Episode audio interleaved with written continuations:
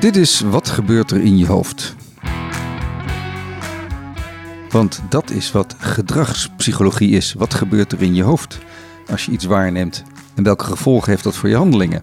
En het meest spannende natuurlijk, hoe kun je veranderen wat er gebeurt in iemands hoofd?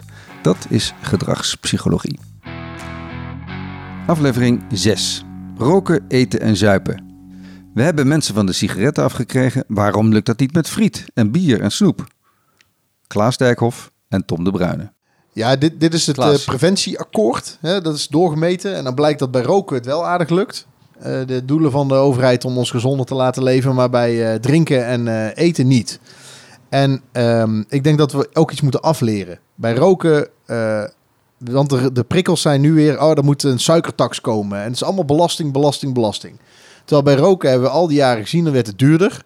En dan ging degene van preventie toe vertellen, dit leidt tot minder roken. En bij financiën boekte ze gewoon een hogere opbrengst in. En bij roken, we hebben op een gegeven moment letterlijk die rokers in de kou gezet. We hebben ze afgezonderd, we hebben ze paria's gemaakt. Je, je moet eh, steeds meer moeite doen waar je het kunt kopen. Je kunt niet eh, aan tafel een sigaret opsteken. Als je nu een film ziet waarin ze het vliegtuig zitten te roken, dan denk je echt, het ding gaat neerstorten. Dat natuurlijk niks mee te maken heeft. Dus de sociale bevestiging dat niet roken de norm is en dat roken niet meer de stoere Marlboro Man is of de, de James Dean of de, de hunk die, je waar, waar, je mee, eh, die je, waar je mee gezien wil worden of die je wil zijn. Ehm, eh, dat heeft gezorgd voor minder roken, is mijn overtuiging. Namelijk kijken hoe mensen zich gedragen en hoe passen we dat gedrag aan. En dat mensen daarna iets vinden, dat komt, ko- volgt dan het gedrag. Hè? Dat ze nu zeggen, ja, roken is slecht. Ja, dat, dat wisten ze ook toen ze nog allemaal rookten. Dus Ehm, in jouw theorie is een biefstukbelasting zinloos. Ja, die levert, nou, het levert meer belasting op. dus op zich, dat, maar je gaat niet net doen of mensen daardoor minder biefstuk eten. Het interessante is natuurlijk al wel dat ook Bas. eten en drinken, dat eh, het ideaalbeeld is natuurlijk al wel neergezet. Het, de persoon die je wil zijn is natuurlijk wel die slanke, sportieve, afgetrainde, gezonde boy, zeg maar. Dat is wel een beetje het beeld dat geschapen is. Dat heeft bij roken dus wel gewerkt, om, om roken neer te zetten als wat je niet wil zijn. En bij eten is dat dus op de een of andere, een, een of andere manier nog niet gelukt. Of, eh, of het is sociaal gewoon nog niet zo acceptabel. je, je, eh, je mag ook, geworden. je kunt ook, hè, die, de, je, hebt, ik heb dat, je hebt dat rolmodel van die fitboy natuurlijk. Maar je hebt ook rolmodellen die wat begonischer zijn. Zeker als weer uit al die onderzoek blijken Ja. dat, dat, dat vrouwen wel die bladen kopen met fitte mannen, maar dat ze uiteindelijk liever gewoon iemand met een, gewoon Frank Lammers willen. een deadbolt heet. Ja, Frank Lammers kan dus roken en biefstuk eten. Of Ja. sorry, drinken en biefstuk eten. Als je gaat roken, wordt het toch een beetje sneu. Ja, nee, dat is waar. Daar heb je helemaal gelijk in. Ehm, En je mag niet, want je hebt wel gelijk, Bas. Als je, als je mensen die te dik zijn, als dat paria's worden, maar dan heet het weer vetshaming. De sociale norm is dat dat niet mag. Nee, en het, het is nog precies ook andersom, zeg maar. Qua, in ieder geval, wij wonen in Brabant. Klaas en ik wonen allebei in Brabant. En ik weet dat het bij jou zit, Klaas. Maar in mijn sociale kring is, kost het eh, meer moeite om vrijdag, zaterdag en zondagavond niet dronken te zijn dan om wel dronken te zijn. Je kan altijd ergens langslopen, mensen staan bij jou voor de deur, er is ergens een feestje en er staan wat kratten bier en iedereen drinkt te hard door. En eh, je moet zelf denken, dat ga ik niet eh, doen en de barbecue gaat aan. En de sociale norm is daar dus, die, dat die gezelligheid belangrijker, in ieder geval in Brabant, bij mij in de omgeving, belangrijker is dan, dan, dan dat fit zijn. En, ik, en bij het roken kan natuurlijk best sociaal gezien andersom gewerkt hebben. Dat we die mensen ook apart gezet hebben. Ga jij maar even Ja. lekker buiten staan in de regen. Ja, Vroeger en waren dat de gezellige mensen altijd.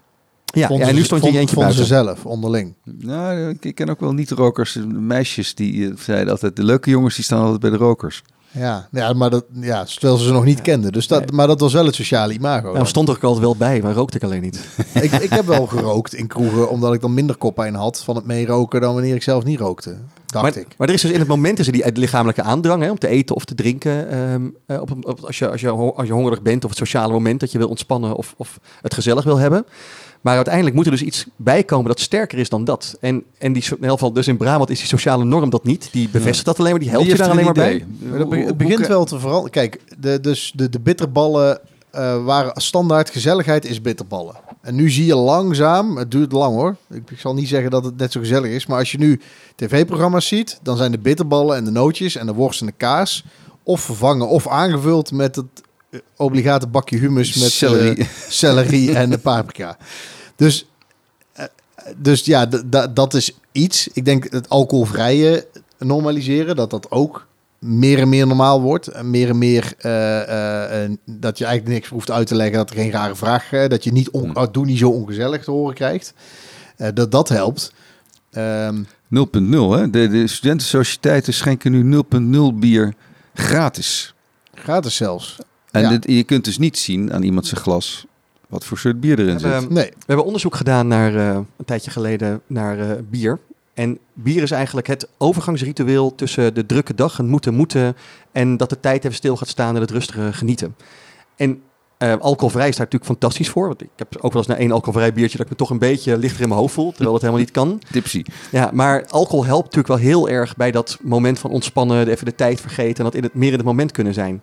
Dus dat is natuurlijk ook moeilijk vervangbaar. Misschien moeten we iets anders verzinnen wat, eh, wat ook de lichaam, dezelfde lichamelijke sensatie geeft. Ja, synthetische drugs zijn er ook. ik weet alleen niet eh, of dat helpt. Nee, kijk, kijk als je even, even terug naar de kern, als je wil. Want we, je- roken is heel simpel, is heel binair. Er zit geen voordeel aan roken. Hm. Er zit ook niet een bepaald gebruik aan roken waardoor je denkt, dan heeft het geen eh, schadelijk effect. Bij drinken is het lastiger, omdat en het is een cultureel veel ingeburgerde druk. En mensen hebben altijd behoefte aan even iets wat het randje ervan afhaalt. En je kunt het op een verantwoorde manier gebruiken.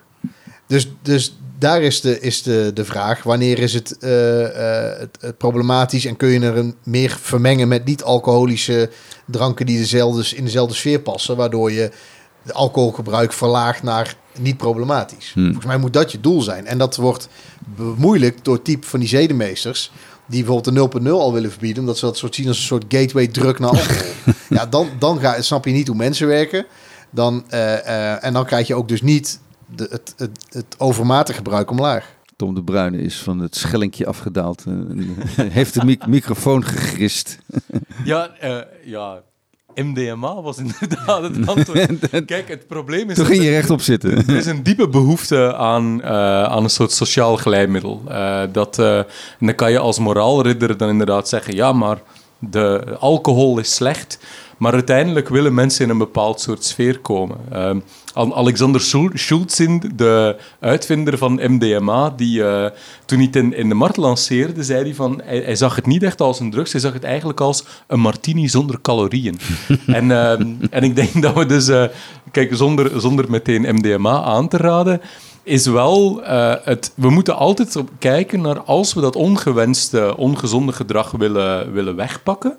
Wat kunnen we ervoor in de, in de plaats brengen die uiteindelijk mensen brengt in dezelfde soort gemoedstoestand?